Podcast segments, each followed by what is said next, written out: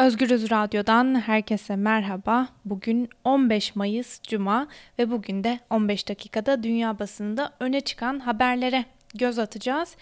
Deutsche Welle'de yer alan Almanya'ya dair önemli bir haberle başlayalım. Almanya'da koronayla yeni sağcı bir hareket mi doğuyor? Başlıklı habere göre Almanya'da koronayla mücadele kapsamında uygulanan tedbirler son haftalarda protestolara neden olmaya başladı. Alman güvenlik birimleri ile siyasetinde endişe yaratmaya başladı bu durum.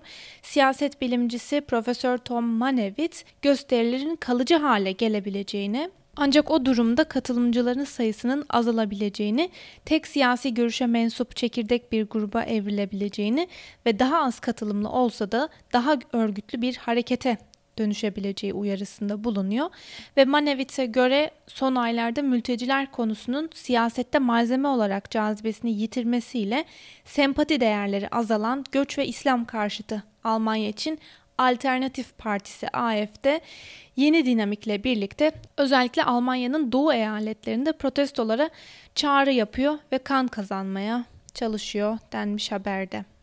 Almanya, Fransa ve İtalya'dan Libya çağrısı başlıklı bir diğer habere göre koronavirüs salgını sürerken Libya'da geçen Nisan ayında çatışmaların şiddetlenmesi endişeye yol açıyor. Almanya, Fransa ve İtalya ile birlikte Libya'da son dönemde artan çatışmaları eleştirdi. Almanya Dışişleri Bakanı Heiko Maas, özellikle de Trablus kent merkezi ve havalimanına yönelik saldırıları ve sivil kurbanların artmış olmasını kınıyoruz ifadelerini kullandı. Yine Alman basınından bu kez Die Zeit'ta yer alan bir haberi de sizlere aktaralım.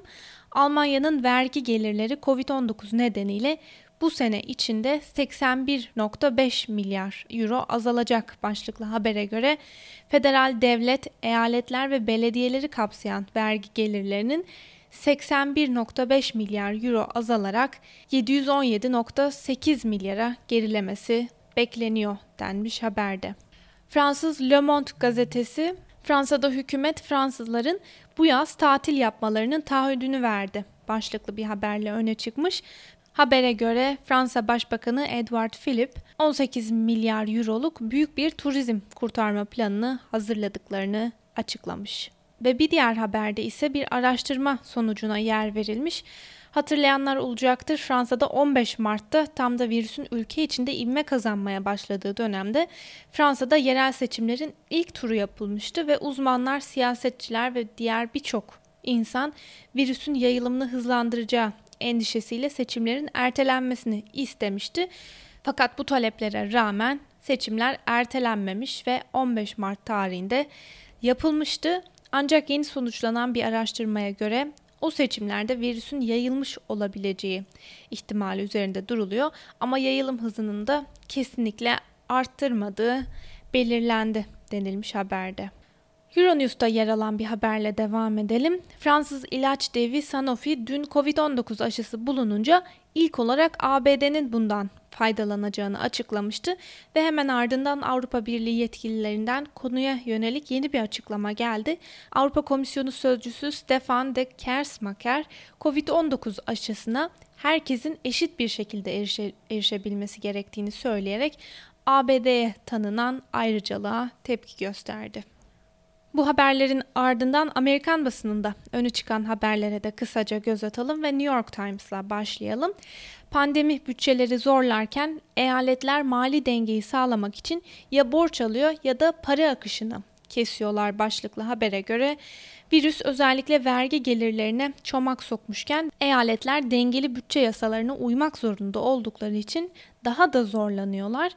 5 demokrattan oluşan bir komisyon pazartesi günü yaptıkları açıklamalarında eyaletlerin ve yerel yönetimlerin federal düzeyde ekonomik olarak rahatlamaları için 1 milyar dolara ihtiyaç duyduklarını söyledi ve eğer bu sağlanmazsa halk sağlığı programlarına finansman sağlamakla öğretmenlerin, polis memurlarının ve diğer çalışanların işlerine son vermek arasında karar vermek zorunda kalacaklarını söylediler Washington'daki demokratlar bu talebi desteklediler ancak Trump'ın da dahil olduğu bazı cumhuriyetçiler bunu reddetti ve demokratların elindeki eyaletlerin salgın öncesi verdikleri yanlış kararları bertaraf etmek için böyle bir kurtarma arayışı içinde olduklarını ileri sürdüler denmiş haberde.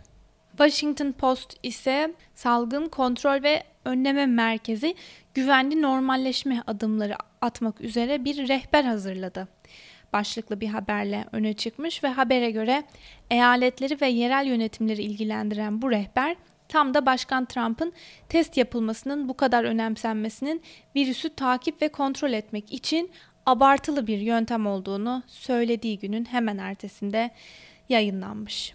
Diğer bir habere göre görevden alınmış olan eski bir yetkili ABD'nin ikinci bir virüs dalgasıyla başa çıkamayacağını savunuyor ve öbür taraftan da planın bir aşının bulunmasına endekslenmemesi gerektiğini ve alternatif çözüm yolları aranırken en kötü senaryoya karşı da hazırlık yapılması gerektiğini söyleyen Rick Bright, Cumhuriyetçilerin de bir kez daha hedefi oldu denmiş haberde. Financial Times, Trump Çin ile ilişkileri kesmekle tehdit ediyor başlıklı bir haberle öne çıkmış. Habere göre Başkan Trump Fox Business kanalına perşembe günü verdiği röportajda Çin'in koronavirüsü salgınını kontrol altına alamamasından dolayı hayal kırıklığına uğradığını ve pandeminin Pekin ile Ocak ayında yapılan ticaret anlaşmasına da gölge düşürdüğünü söyledi. Bir diğer habere göre ise Hindistan Başbakanı Narendra Modi virüsün ekonomiye ağır darbe vermesinin ardından yeniden ortaya çıktı. Başbakan ekonomiyi kurtarmak adına vergi düzenlemelerini, iş yasalarını ve tarım politikalarını yeniden yapılandırmaya hazırlanıyor. Ancak Modi'yi eleştirenler ise önce sağlık alanına odaklanmasını ve o alana yatırım yapmasını talep ediyor. Voice of America Trump'ın Obamagate iddiaları ne anlama geliyor? Başlıklı bir haber paylaşmış. Donald Trump eski başkan Barack Obama'yı başkanlığına zarar vermeye çalışmakla suçladı. Trump Obamagate olarak adlandırdığı ve bu şekilde atıfta bulunduğu iddiaya ilişkin ayrıntı vermedi.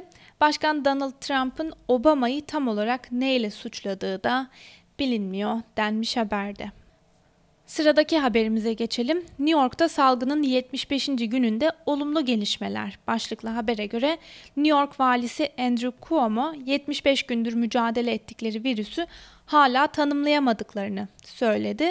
New York eyaletinin 61 milyar dolar açık verdiğini de belirten Vali Cuomo, federal yardım çağrısını da bir kez daha yineledi.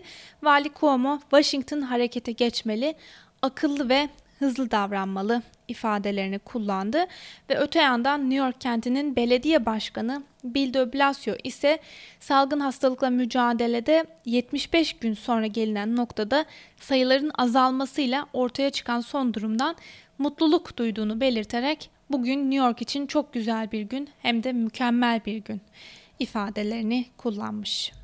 Amerikan basınının ardından İngiliz basınında öne çıkan haberleri de sizlere aktaralım. Ve The Guardian'la başlayalım. The Guardian ve ITW News'a konuşan kaynaklara göre İngiliz hükümetine kişisel koruyucu ekipman sağlayan özel bir firma üretim aşamasında büyük bir gecikme ve aksaklık yaşadı. Bu gelişmede sağlık çalışanlarına koruyucu ekipman ulaştırılmasını geciktirdi ve ülkede büyük bir kaosa neden olmuş. Sıradaki haberimize geçelim. Dünya Sağlık Örgütü'nün Afrika bölgesel birimlerinden biri olan BMJ Global Health'ın yeni bir araştırmasına göre Afrika kıtasında önümüzdeki bir yıl içinde 250 milyon kişi koronavirüse yakalanacak.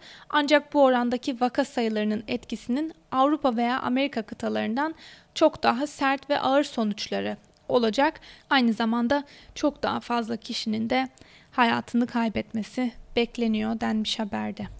The Daily Telegraph Londra'daki güncel duruma dair bir haberi gündemine taşımış ve habere göre Londra'da son 24 saatte yalnızca 24 yeni vaka tespit edildi.